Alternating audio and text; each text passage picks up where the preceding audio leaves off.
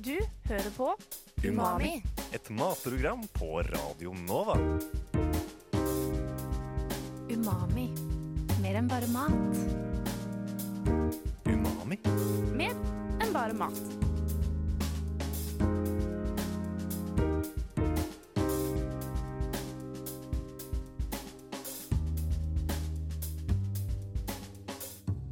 Umami? Mer enn bare mat? Det lukter vondt, smaker godt og er noe folk har et uh, hat-elsk-forhold til. Det er selvfølgelig blåmuggosten vi skal snakke om i Umami i dag. Uh, mitt navn er Sara, og jeg har et helt ålreit forhold til uh, blåmuggosten. Sigrid, du er med meg i studio. Hva er ditt forhold til blåmuggost? Mitt forhold er jo at mamma spiste. Det er disgusting, og det ser ekkelt ut, det lukter rart. Not a fan. Not a fan. Ragnhild, du er også med i studio. Hva, Yes. hva er ditt forhold til blåmuggost? Mitt forhold til blåmuggost er veldig fint. Lidenskapelig. Jeg er veldig glad i blåmuggost. Og har vokst opp med alle mulige slags oster egentlig hjemme. Uh, og pa- pappa er veldig glad i å ta seg en knekkebrød med blåmugg til kaffen, kaffen etter ettermiddag. Så det pleier vi å si er lag. Veldig glad i blå- blåmuggost. Min favoritt er Selbu blå. Mm. Og en annen som er veldig glad i ost, er eh, vår ostekspert i Umami i dag, Selma Bull. Hallo. Hei, hei, hei. Du er jo først og fremst nyhetsredaktør i Radio Nova, men også ansatt på fromageriet her på Majorstua. Det stemmer. Hvordan begynte du i osteverden? Du, det var litt tilfeldig. Eh, jeg trengte jobb. Eh, fikk jobb på et sted som heter Ostehuset i Stavanger. Der hadde vi en sånn kjempesøt liten ostedisk. Eh, og jeg syntes det var veldig spennende eh, å lære om ost. Og det syntes eieren var kjempegøy. Så han ble helt liksom obsesst med at jeg ville lære om ost. Eh, og tok meg under sin vinge. Og det var vel der min ostereise eller karriere startet. Og så har jeg bare fortsatt da, eh, å jobbe i butikker som selger ost. Så nå vil jeg si at jeg kan ganske mye. Mhm. Dette spørsmålet syns vi er veldig gøy i Umami. Eh, hva man er i matverden. Og hvis du var en ost, hva hadde du vært da? Jeg tror at jeg ville vært en ost som heter langre. Det skrives langres, og den lages i champagne i Frankrike. Eh, og så vasker de den med Champagne? Eh, ja, eller det som ligger igjen etter champagneproduksjonen. Så har du litt sånn ja. rester, da. Eh, Og det vasker de osten med, så den er helt sånn oransje og ser egentlig ut som en liten hjerne. Ser veldig skummel ut, men er egentlig ikke så skummel. Bare veldig god og fruktig. Eh, så jeg føler det kan passe litt meg. Jeg kan virke litt skummel, men er egentlig ikke det. Jeg er bare god og søt. Og gjerne en smart. Ja. smart ja. Umami? Jeg tenker på ost som veldig sånn dyrt og liksom ja, luxury-greie. Hvorfor hvorfor er ost så jævlig dyrt? Det er jo eh, for det første fordi det er ofte dyrt å produsere det. Em, og nå har vi jo fått veldig mye ny norske oster som er kjempegode, og det er veldig gøy å se. Uh, men alle de ostene jeg Så har du med meg norske oster. Norske oster, ja. Ja, ja. Vi har liksom Kraftkar og Føniks, uh, Råblå og Ja, for det er det jeg har lest om masse sånn norske Ja, eh, virkelig. masse Absolutt, og det er jo veldig gøy. Uh, men allikevel, de òg betaler jo masse for å produsere denne osten. Eh, det koster mye. Og så er det jo eh, Nå snakker vi om blåmuggost, men du har jo f.eks. Comté, som er en fastost fra Alpene, som lagres veldig lenge. Og da eh, lagres de i sånne svære grotter og huler. Hjul på 40 kilo, de er gigantiske.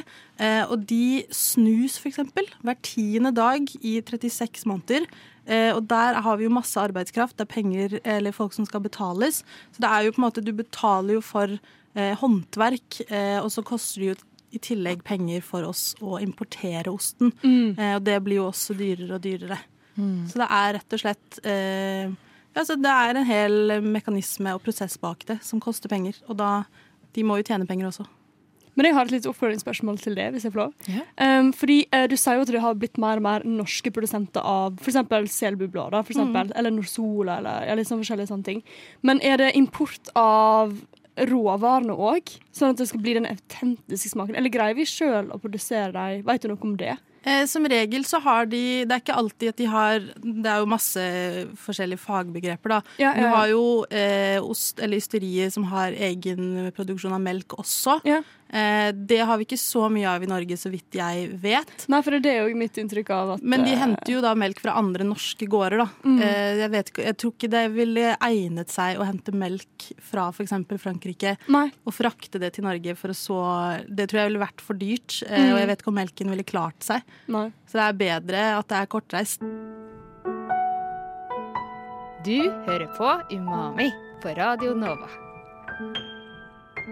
Det er jo blåmuggosten vi skal hedre i dag. Men meg, hvorfor er blåmuggost en ting? Altså, hvor, hvor kommer det fra? Altså, det er jo rart at vi ser på uh, ost som en dyrebar ting når det bare er Hvis det er mugg, liksom. Ja, altså, nå er jo muggen eh, lages på en måte utenfor osten, og så tilsettes den. Eh, penicillium roqueforti heter det. Eh, og ost i Frankrike og Italia og mange andre land har jo veldig, veldig, veldig lange tradisjoner. Eh, og har liksom Napoleon spiste blåmuggost og chèvre og holdt på. Så det er jo egentlig bare tradisjoner som er brakt videre. Jeg vet ikke helt hvem det var som på en måte fant denne penicillium roqueforti eh, og fant ut hm, dette tilsetter jeg i ost.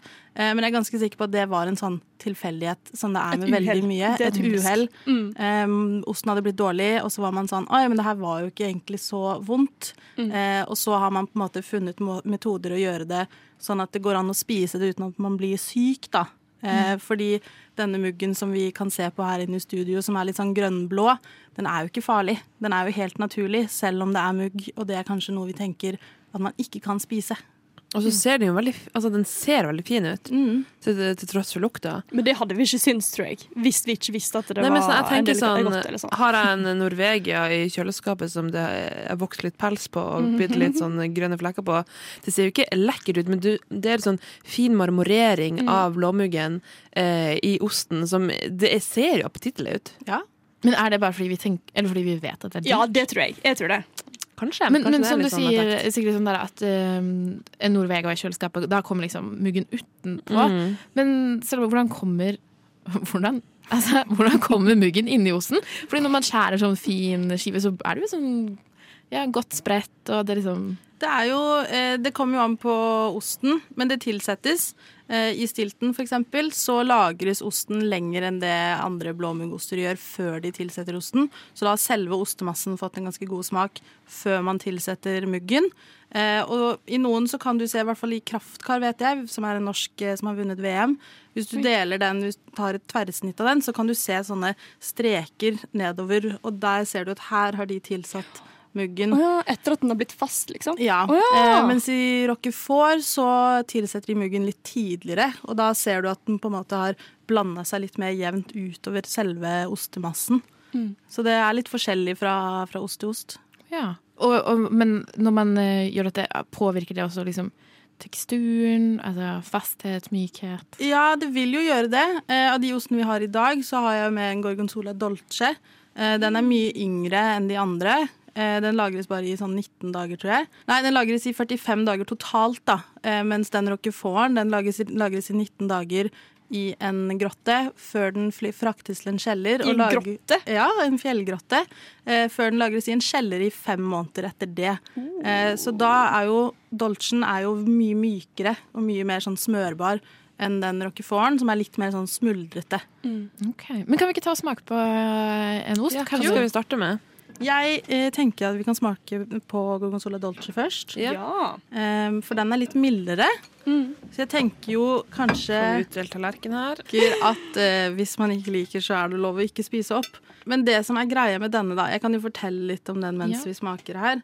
Ja, Men nå fikk jo du litt sånn uh, skorpe òg, rett og slett. Ja. Eh, er det liksom forskjell på Ja. Eh, det ligger jo ofte litt smak i, i skorpen. Så man kan spise det som er utenpå?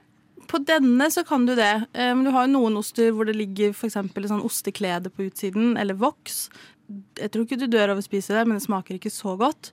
På mange fasteoster så syns ikke jeg skorpen er så god, for den er bare hard Mm. og rar. Men på brie for eksempel, så ligger det jo veldig veldig mye smak i skorpen. Eh, Så der kjører jeg på. Kan Nå skal jeg smake på den her, da, i hvert Mm, fall. jeg har allerede begynt, den var veldig god. Men hvor er denne osten fra? Mm. Så eh, Gorgonzola Dolce er jo det som mm. Det det smaker jo pizza, det smaker jo quattro formaggi. Ja, men den brukes veldig ofte Ja. på Quattro Formaggi. Den var ikke Um, dum. Nei. Og det beste er jo hvis du har litt eh, honning, for eksempel, på denne. Da blir det veldig godt. Eh, eller litt sånn frukt, eh, fruktsyltetøy. Um, men det jeg skulle, tenkte jeg skulle si, da, er at denne er jo italiensk. Eh, og kan produseres i Piemonte eller Lombardia. Mm. og den er DOP-merket. Og vi har jo eksempel på vin så er jo de AOC og litt sånn forskjellige merkinger eh, som regulerer rett og slett eh, regionen den kommer fra, og hvordan den lages, og hvor melken kommer fra. Så hvis den her lages, hadde blitt lagd i Roma, f.eks., så hadde den ikke fått lov til å kalle seg gorgonzola, og den hadde ikke fått dette DOP-merket. Ja. Så det er litt eh, Jeg, vet, jeg liker sammenligningen med vin. Eh, og også sånn sprudlende. Typ mm. sånn, hvis det er produsert i champagne, så kan det hete champagne. Mens hvis det er italiensk, så må det hete prosecco. Ja, og det er jo eh, Disse landene har jo veldig mye stolthet i både vinen og ostene, så de er veldig strenge på det. I Toskana så har du masse forskjellige små, eh, mindre regioner, eh, og hvis du lager den vinen, så må du bruke de druene. Så så liksom stort forhold mellom hvis du skal ha flere forskjellige druer. Eh, men både i ost og vin så er det jo en liten utvikling. Du har noe som, noe som heter Super Tusken, eh, som er nye, yngre mm, vinlagere som bare gir totalt F i disse reglene, og lager kjempegod vin. Eh, som begynner å liksom få litt sånn cred. Men det tok litt tid, fordi alle disse eldre vinlagerne var sånn Hallo, hva er det dere driver med? Dere Ja. følger jo ingen av reglene våre. Men jeg syns jo det er litt kult. ja, men det er jo framtida. Mm. Men uh, i deres butikk selger dere kun liksom de tradisjonelle Vi importerer mye selv, eh, som jeg syns er ganske kult. Så vi har mange eh, oster fra liksom mindre ysterier. Eh, familiedrevet ysterier som er liksom eh, Men det er jo mye tradisjon, da. Det er jo det. Og det er jo eh, en del av greia at hvis den har DOP eller AOC, som det heter i Frankrike, um, at det på en måte det er et tegn på kvalitet, rett og slett. Så lite ysteri er lik god kvalitet? Som Nesten. regel, for de, har jo eh, Altså, jeg tenker jo alt av mat som er masseprodusert. Eh, du mister en del av Ja, det blir et kvaliteten. utvaska, ja. Mm. Så jeg syns jo at, i hvert fall når det er på en måte en liten familie som har en liten rar gård i en eller annen bygd i Frankrike som lager god ost, det er jo bare dødskult. Mm. Selv om vi da av og til ikke får tak i det, fordi at de klarer ikke å produsere nok. Men eh, Sigrid og Ragnhild, dere er jo begge fra små steder og små Ja. gårder. Mm. Har, det vært, ja, er det noe, har det vært noe tema i bygda deres om å, å lage et lite lokalt ysteri? Eh, naboen vår på Sandsøya eh, lager Oi. ost. Eh. De har også et um, De produserer melk sjøl, for de har kyr. Eh, sånn at eh, det, jeg kjenner til det. Ja, så, men da er det mest den naboen lager av kumelk, ikke sauemelk. Ja. Kumelk. Men eh, Sigrid, du sa noe pasturert, upasturert. Selma, hva, hva har det å si på smaken? Det har, kan ha ganske mye å si. Eh, pasturering er jo en prosess hvor du varmer opp, og du har forskjellige grader av det, men den vanligste tror jeg det er mellom 72 og 75 grader. Eh, og det er jo for å regulere bakteriekulturen. Um, og det er jo ofte snakk om at gravide f.eks. ikke kan spise eh, bri, fordi at den eh, er upasteurisert.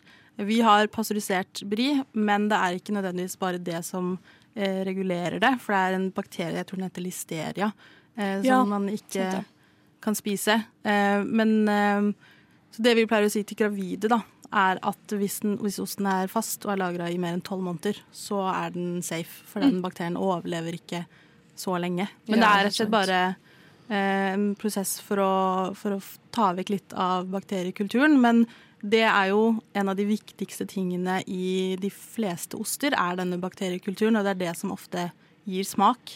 Så en upasteurisert pasteurisert brie eh, mot en pasteurisert en er ganske stor smaksforskjell. Altså den blir sterkere eller svakere? Den upasteuriserte er fyldigere. Ok. Mm. Så hvis du skal si sånn for nybegynnere, så er det bedre å gå for en pasteurisert Jeg klarer ikke å si ordet. Pasteurisert. Eh, ja, kanskje. For den, den er på en måte ikke så eh, skummel, kanskje, i smaken. Eh, jeg syns jo den vi, vi har en, en pasteurisert brie på min jobb. Jeg syns den egentlig bare smaker melk. Eh, men nå har jo jeg på en måte er litt mer bevandret, så jeg pleier jo å hjelpe de kundene som vil ha noe som ikke er så kraftig, så kan jeg foreslå den. Men eh, du nevnte jo at den ene mm, osten ikke kunne være lagret Eller altså, bakterien døde etter tolv måneder. Men hvor Altså denne moningsprosessen Altså hvor, hvor lenge hvor lenge kan en ost ligge? lenge. Eh, vi har hatt en komité for eksempel, som har vært lagra i hva var det det var, 48 måneder. Oi. Og da begynner vi å snakke ganske lenge, og da blir de som regel Altså jo lengre de lagres, jo fyldigere blir de, jo mer smak får du frem. Og så blir de ofte litt tørrere i konsistensen, eh, fordi at mye av det som ligger i osten, rett og slett forsvinner litt, og så sitter du bare igjen eh, med de tingene som gir smak. Em, så du har jo Det er jo mest av fastoster da, som kan lagres. Jeg ville ikke lagra en uh, roquefort i 46 måneder. Da tror jeg du sitter igjen med et ganske sånn eh, merkelig resultat på en sånn liten innskrumpa muggklump. Men det kan jo hende at noen hadde likt Kanskje det også. Kanskje noen liker det. Ja. Men hvordan, hvordan modner man? Der er det ganske mye reguleringer. Eller det er på en måte temperaturen er veldig viktig. Eh, fuktigheten i lufta er veldig viktig. Eh, så når du går inn et sted hvor man lagrer ost, så er det ofte veldig strengt, og du må ha på deg sterile klær. og du må liksom ikke, For du kan ødelegge den kulturen som ligger i lufta, og det kan påvirke osten ganske mye. Em, og så er det jo Du har eksempel eh, rødskittost, som er ost som vaskes og får en sånn rødlig farge. Eh, der vaskes jo osten med f.eks. saltlake. Så går de liksom rundt og så tar de en klut og vasker rundt eh, osten for å gi den mer smak. Og det er jo en del av lagringen og en del av det som gir det smaksbildet som osten får til slutt. Ja, for å trekke det inn i osten liksom, Mm. over tid og sånn. Ja. mm. Ja, du kan bruke øl, for eksempel, er det mange som bruker. Eh, eller vin, eller ja, likør. Eh, masse forskjellig. Men la oss gå tilbake litt til grotta som du snakket om. Fordi, eh, Hvor er det den ligger? er, det, er det en veldig vanlig måte å la modne Ja, ost i grotte? mye, veldig mye fastost eh, Ja. lagres i grotter. Kunne vi Eh. gjort det i Norge? Altså, det jo liksom grotter rundt om Altså, Du kunne kanskje brukt den der Valkyrien, den nedlagte ja, det er det. T-banestasjonen. Kanskje er det grotteostefest. Ja, ja, ja. Det kan, uten at jeg skal si helt sikkert at det hadde vært fullt mulig, kan hende at det hadde gått. Mm. Eh, under, jeg tror det er Paris, så ligger det svære grotter under, eh, under bakken. Eh, Hvor det lagres masse, masse, masse ost. Mm. Eh, og da er det disse hjulene jeg snakket om, som er på 40 kilo. Men hva er hjul? Det er, eh, oster er jo som regel runde. Ah. Eh, så et helt, eh, hvis du hadde hatt en hel Norvegia, da, så Mm. er det et hjul, et ostehjul. Ja. Så de ligger da i disse grottene, som er veldig på en måte nøye eh, passet på. Og Mm. det går folk og snur på de og løfter på de og sjekker at liksom alt går fint med ostene. Eh, og det er jo en stor jobb i seg selv, og de er jo tunge og svære, og det er Nei, det er, eh, jeg syns det er ganske kult. Og det er jo en del av det vi snakket om pris i stad. Det er jo en del av det som gjør at, Mm. at osten blir dyrt. For det er så mye som ligger bak produksjonen. Mm. Men du hadde jo med en til ost Ja. som hadde vært lagret lengre, som jeg skjønte. Ja, dette er uh, Roquefort Papillon. Som er, den er på sauemelk. Gorgonzola vi smakte på i stad, var på Yes. kumelk. Eh, Så den får en litt annen smak der. Eh, Den vil jeg si er litt saltere. Mm. Eh, Men denne produseres da i en region som heter Roquefort. Mm. Eh, Den lukta den var jo skikkelig intens. eh, Det syns jeg her lukta jo fjøs. Ja, men det er jo, det er jo. Heimkoselig. Ja, men det er heimkoselig. Det lukter jo akkurat som å gå inn i fjøsen Ja, hjemme. Jeg, jeg elsker det, liksom. Jeg synes jo det her er på en måte det Hvis jeg tenker på blåmuggost, så er det denne lukten her jeg får i hodet mitt. Det er veldig sånn klassisk. Um, og den har vært produsert veldig lenge. Akkurat eh, det ysteriet som har laget denne, er en familiebedrift. Så de har holdt på siden 1906. Så det er over 100 år. Eh, og de har også vært en pioner i Frankrikes økologiske eh, bondebevegelse. Og de har også en økologisk versjon av denne osten. Den har ikke jeg smakt. Men jeg syns det er litt kult at de òg prøver på en måte litt nytt og litt eh, sikter seg inn litt mer bærekraftig. Det var en helt sinnssykt intens smak. Ja, Jeg så du hadde en liten uh, liten- ute på kroppen-reaksjon Ja, men det her var borte, sånn, først, Når du først har den i munnen, så er den sånn Det er ost. Og så bare plutselig vroom. Å, men er ikke det litt godt? Jo, det var veldig sånn uh, forfriskende. Men jeg føler at denne har en litt annen Den har en helt annen tekstur. Jeg føler at Ok, Skal vi si at det er sånn bitte små korn i den? Eller Ja. Jeg vet ikke hvordan jeg skal forklare det. Litt mer sånn er crumbly. Og det er muggen, ja. Mm.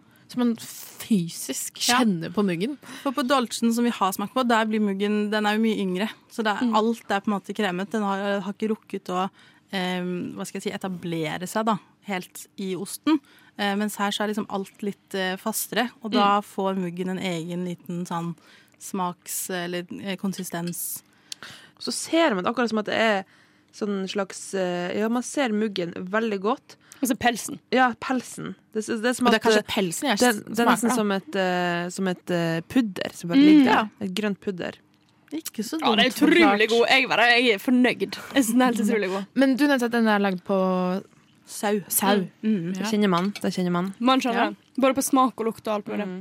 Ja, jeg syns eh, oster på sauemelk ofte får litt sånn saltere preg. Mm. Eh, jeg hadde egentlig veldig lyst til å ta med en som er laget på geitemelk også. Det er ikke Ja. så vanlig å lage blåmugg på geit. Men det har jeg smakt før. Ja, Jeg har det. eh, Men det hadde, vi hadde ikke mer igjen. Fordi mm. igjen, det er ikke så lett å få tak i. Men er ikke den veldig eh, Veldig sånn eh, smuldrete?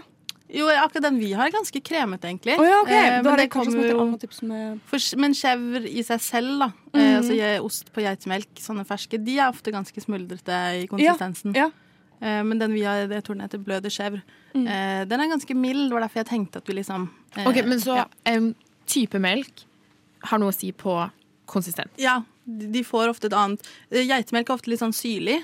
Eh, og det lages som regel Eller det lages mest eh, oster på geitemelk som er litt myke eh, og ferske. Men du får også fasteoster, eller halvfaste, da, som det heter, eh, på geitemelk. Eh, for eksempel Hvit Undredal, eh, som er norsk. De lager også brunost, som også da er på geitemelk. Men det er jo en helt annen eh, prosess. Men altså, jeg er jo fra en eh, Ja, det, det, tenker jeg òg. Det hadde jo vært skikkelig eksklusivt. for det. Og vi er jo, dette er jo en liten, liten gård. Ja. Og vi har jo både villsauer og eh, ja, sånne som går ute og eter urter. Kanskje det hadde vært noe hadde for jo- smaken? Absolutt. Ja, ja, ja. Herregud, Ragnhild, du, du må jo, du Ja. må jo begynne med Ja! dette. Oakland blue cheese. Bløde Oakland. Jeg vet ikke. Men det du sier med at eh, noen av sauene er ute og spiser hele tiden, det har veldig mye å si. Vi har Ja, for eksempel gruyère som lages på sommermelk. Mm. Eh, og det er, altså, alle kuene eh, spiser jo ute, men de spiser jo andre ting om sommeren. Ja. Eh, mer blomster og ja. urter og sånne ting. Og det har faktisk ganske mye å si på Mm. smaksbildet. Eh, så jeg syns dette høres dødsspennende ut. ja. Kjør på. Jeg skal tipse. Jeg skal tipse. Gjør det. Gjør det. Du hører på Umami på Radio Nova. Vi i Umami snakker i dag om eh, blåmuggost, og vi har besøk av Selma, som jobber på fromageriet på Majorstua. Og vi har smakt eh, litt ost i dag også. Eh, men nå har vi jo smakt på en ost i stad som var litt sånn ja, litt mer ekstrem enn den første. Som Sigrid, som, ikke, som er litt skeptisk da, til blåmuggost, ikke var så fan av. Men en ting jeg lurer på, er hvorfor Hvorfor er blåmuggost en voksen ting? Jeg tror det er Altså, nå har jo ikke jeg studert dette, Nei. men det er jo en ganske kraftig smak. Mm. Eh, og så vil Altså, jeg har hørt at eh, smaksløkene utvikler seg jo eh, med årene. Så jeg syns ikke det er så rart at de sarte, små barneganene syns at, de, at de rett og slett blir litt sterkt.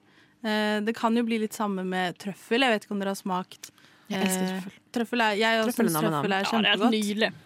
Men det er noen som bare syns at det smaker for sterkt. Jeg tenker kanskje det har litt med ganen og sånn genetikk å gjøre òg. Absolutt. Det er ikke nødvendigvis alder. Kanskje vi bare eksponerer dem for seint Ja, kanskje det. ost. Det kan godt hende. Jeg Og kanskje det liksom har med vin å gjøre. Ja. At man, ofte så drikker man jo vin til ost, eller ostekøll blir jo litt knytt til vin. Og det kan du ikke bare drikkes av. Kanskje. Sorry. Det er litt av ulykke. Men Det er fordi, det synes jeg er interessant at du nevner det med ost og vinkveld. Fordi ofte folk inviterer på ost og vinkveld. Men det er jo lov å, det er jo lov å spise og ha ostekveld uten vin. Er du ga? Selvfølgelig er det lov. Jeg har et litt sånn ambivalent forhold til ost og vinkveld. Eh, det kan jo være fordi at jeg jobber i en ostebutikk eh, og har blitt Tror du? litt sånn yrkesskadet. Men altså, vi i Umami dømmer alle som har med kremost til kveld. Ja. Ja, fy søren. Jeg syns det er litt altså. deilig at dere sier det, for jeg sier, er veldig ofte veldig diplomatisk og sier nei, nei, så alle skal få like det de vil, og det står jeg for. Alle skal få like det de vil. Men eh, du har jo Målet. med en til ost til oss. Ja. Er dette, er dette Rolls-Roycen? ja, det vil Ja, kanskje ikke Rolls-Roycen. Eller kanskje er Rolls-Royce amerikansk? Ja. Ja, for da kan jeg jo si at det er det. For dette er faktisk en amerikansk Oi, eh, Produserer USA-ost? Ikke så mye, eh, men de òg holder litt på. Eh, og dette er da en som heter Rogue River Blue. Det høres litt ut som Rolls-Royce. ja, den er fra Oregon eh, og produseres av. Rogue Creamery. Bare ta. Eh, Det som er gøy med denne osten her, da Den er også på ku, eh, forresten. Det er at rundt kanten så ligger det sånn brune greier, og det er ikke skorpen. Det er rett og slett blader fra vin... Eller druetrær, ikke vintrær, men druetrær, som er eh, syrradruer. Wow. og disse bladene er da igjen dynket i pærelikør. Eh, så osten lagres i ja, kanskje 20 dager eh, og blir litt fast. Og så pakker de den, håndpakker de inn i disse bladene for å gi den liksom enda et litt sånn kick smaksmessig. Wow. Det her er jo helt vilt. Nå gleder jeg meg til å smake. Pærelikør og, og drue Ja, nei, fy søren, altså. Og det her var da den første amerikanske osten som vant en pris i oste-VM. Og du sa det her var en skikkelig Ja, så den, den er på en måte tillagt så mye med disse vinbladene som i seg selv gir smak. Og Det smaker jo vin. Ja, for den er, det er liksom vinblader med pærelikør, så du Ja. får litt eh, sånn alkohol... eh. Men jeg føler ettersmaken er veldig, veldig, veldig god, og ikke den derre Ikke sånn hva skal jeg si, Ikke den muggettersmaken, men mye annet. um, Det smaker veldig hvitvin. Ja. Det er så utrolig Jo, god. kjempegod. Oi, Sigrid! Wow! Se her! Ok, det her er kanskje en drøy sammenligning, men helt ærlig, jeg syns den smaker litt uh, ananas og aprikos. Men det er ikke så dumt. Det er jo pære. Mm. Ja. Frukt, syre. Hva er godt til denne osten? in my mouth. Et eh, største tips er å finne vin fra samme område mm. eh, som osten er fra. For da er det på en måte samme klima, og eh, så du, da er du safe. Så en eh, god chardonnay, kanskje. Ja. ja, for du tenker hvit, ikke Ja. Ja, i hvert fall til blåmugg. Mm. Eh, da er rødvin ofte veldig vanskelig. Mm. Eh, til den første så kan du kanskje ha en litt sånn lett eh, rødvin, men det blir for mye smaker Mm. eh, som krasjer. Jeg har alltid trodd at man har Eller alltid tenkt at man tar med rødvin på ost og vinkveld. Og jeg er ikke så fan av det. Det er interessant. Altså, det, det kan gå, men da vil ikke til blåmugg ville jeg ikke tatt uh, rødvin. Men hva tenker du om oransjevin? Naturvin, hele den nye Ja, hypen rundt de er jo litt lettere. hadde-. Ja, sant? Ja. Eh, litt friskere, så da er det på en måte lettere å, å, å kombinere det med ost. Rødvin er jo ofte så tungt eh, i seg selv, og så har du jo alle disse Jeg husker aldri hva det heter. Denne tingen som gjør at du får hodepine. Eh, Garvestoff. Garvestoff. Men er det, tror du at du er litt biased? Fordi at du jobber i fromasjeri, at du tenker at osten er the star of the show på vinkveld og ostekveld, og ikke vinen? Ja, men jeg Ja. syns jo det. Det Ja, heter men jo ja. ost og vinkveld. Det heter jo ikke vin og ost Mm. Godt poeng. Men hvis vi Ah. går bort fra drikke til um, blåmuggen Tilbehør altså sånn, Man har jo, jeg vet ikke, man ser ofte i ostehylla Så står det litt sånn syltetøy og Det står litt sånn kjeks. Altså, ost og kjeks er jo noe alle vet, men alt syltetøy, granityr, sauser Hva Det er jo helt vilt mye å velge mellom. Mm. Um, du har liksom en klassiker som er fiken. På min jobb så har vi et eh, syltetøy som er laget med eple og salt smør. Som jeg syns er sykt digg. Honning er en veldig klassisk greie. Funker også veldig bra med blåmugg. Da får du litt det salte og søte sammen. Um, og så på kjeks så er det jo også veldig mye å velge mellom. Du har Er det jo- lov å spise Ritz? Det er lov. Jeg syns de er litt for salte. Ja, for det er det Ja, jeg det er tror- akkurat. Jeg, liker ikke, jeg er ikke så glad i for mye saltsmak. eh, Og jeg tror ofte det er derfor eller Det tok lang tid før jeg begynte å lære å like blåmuggost, eller liksom sterk ost generelt, fordi det alltid ble servert med Ritz til. Det spørs jo veldig, da. Eh, hvis du skal ha det på en måte til middag, så funker jo brød, for da er det jo mer mettende. Mm. Eh, hvis det er til dessert, så kan det bli litt mye med brød på en måte i tillegg etterpå. Og da er kjeks Ja. Jeg er helt, egentlig helt enig der, men jeg skjønner jo at noen syns det blir for mye. Eh, da er jo kjeks helt supert. Eh, og kanskje en, en kjeks som har på en måte litt salt, men er mer nøytral enn en Ritz. Mm. Eh, eller så har du jo masse kjeks med tørka bær og forskjellige nøtter. Oh, ja. Eh, som er godt. Eh, kjeks med sesamfrø er overraskende godt til ost, syns jeg. Eller bare med liksom bitte litt krydder. Vi har en med rosmarin, f.eks., Oh. som er veldig godt eh, til det meste. Men da kan man jo kanskje ha det i tillegg da, til den litt mer nøytrale som funker til alle ostene. Hvis du skal ha masse forskjellig ost. Rugsprø er jo faktisk ikke så dumt. Mm. Det er ikke så dumt. Det pleier vi å ha. Vi har jo snakket om ost og vinkveld og sånn, men hvis man skal bruke osten til matlaging, hva, hva er det det som typisk folk Er det raclette folk kommer og spør etter? Eller er det Raclette. Eh, mye fondue. Mm. Eh, og så er jo Nå har vi blåmugg. Det kan man jo bruke til masse. I kjøtt? Eh, ja, da ville jeg kanskje lagd en slags saus. Eh, men hvis du har veldig godt kjøtt, Å, men inni så burger. Inni burger. Ja, Kjempedigg. Eh, masse forskjellige pastaretter Mm. man kan lage med forskjellig blåmugg og fløte. Eh, som er veldig, veldig godt. Eh, men eh, sånn spørsmål helt på eh, tampen. Jeg eh, inviterer folk på ostekveld. Mm. Eh, hvor tidlig tar jeg ut osten? Eh, En time før, cirka. en time før? Oi, en time er det sant? Ja. Wow. Eh, når osten er kald, så smaker den mye mindre. Mm. Eh, og de, altså det er sånn fint gjennomsnitt. Noen kan ligge ute i flere timer. Um, en litt sånn myk bri vil bare flyte helt ut. Det er veldig godt, men det blir litt sånn grisete. En time før er liksom gyllen regel, vil jeg si. Og nå blir jeg sånn Kanskje jeg skal gå og kjøpe litt ost etterpå? Nå er jeg ikke en ost Jeg er ikke en blåmuggosthater uh, anymore. Nei, jeg er Nei. veldig glad på dine vegne. Ja, ja. Det her var jo kjøpt, eh, øyeåpnende, Ja. altså. Selma, tusen, tusen takk for at du hadde lyst til å komme og snakke. Hjertelig takk. Takk for at jeg fikk komme. Det Ja, var veldig gøy var å bare sitte hyggelig. og chatte om ost. Tusen takk for at du hørte på Umami. Mitt navn er Sara, og i studio hadde jeg med meg Sigrid? Ragnhild. Selma. Ha det fint. Umami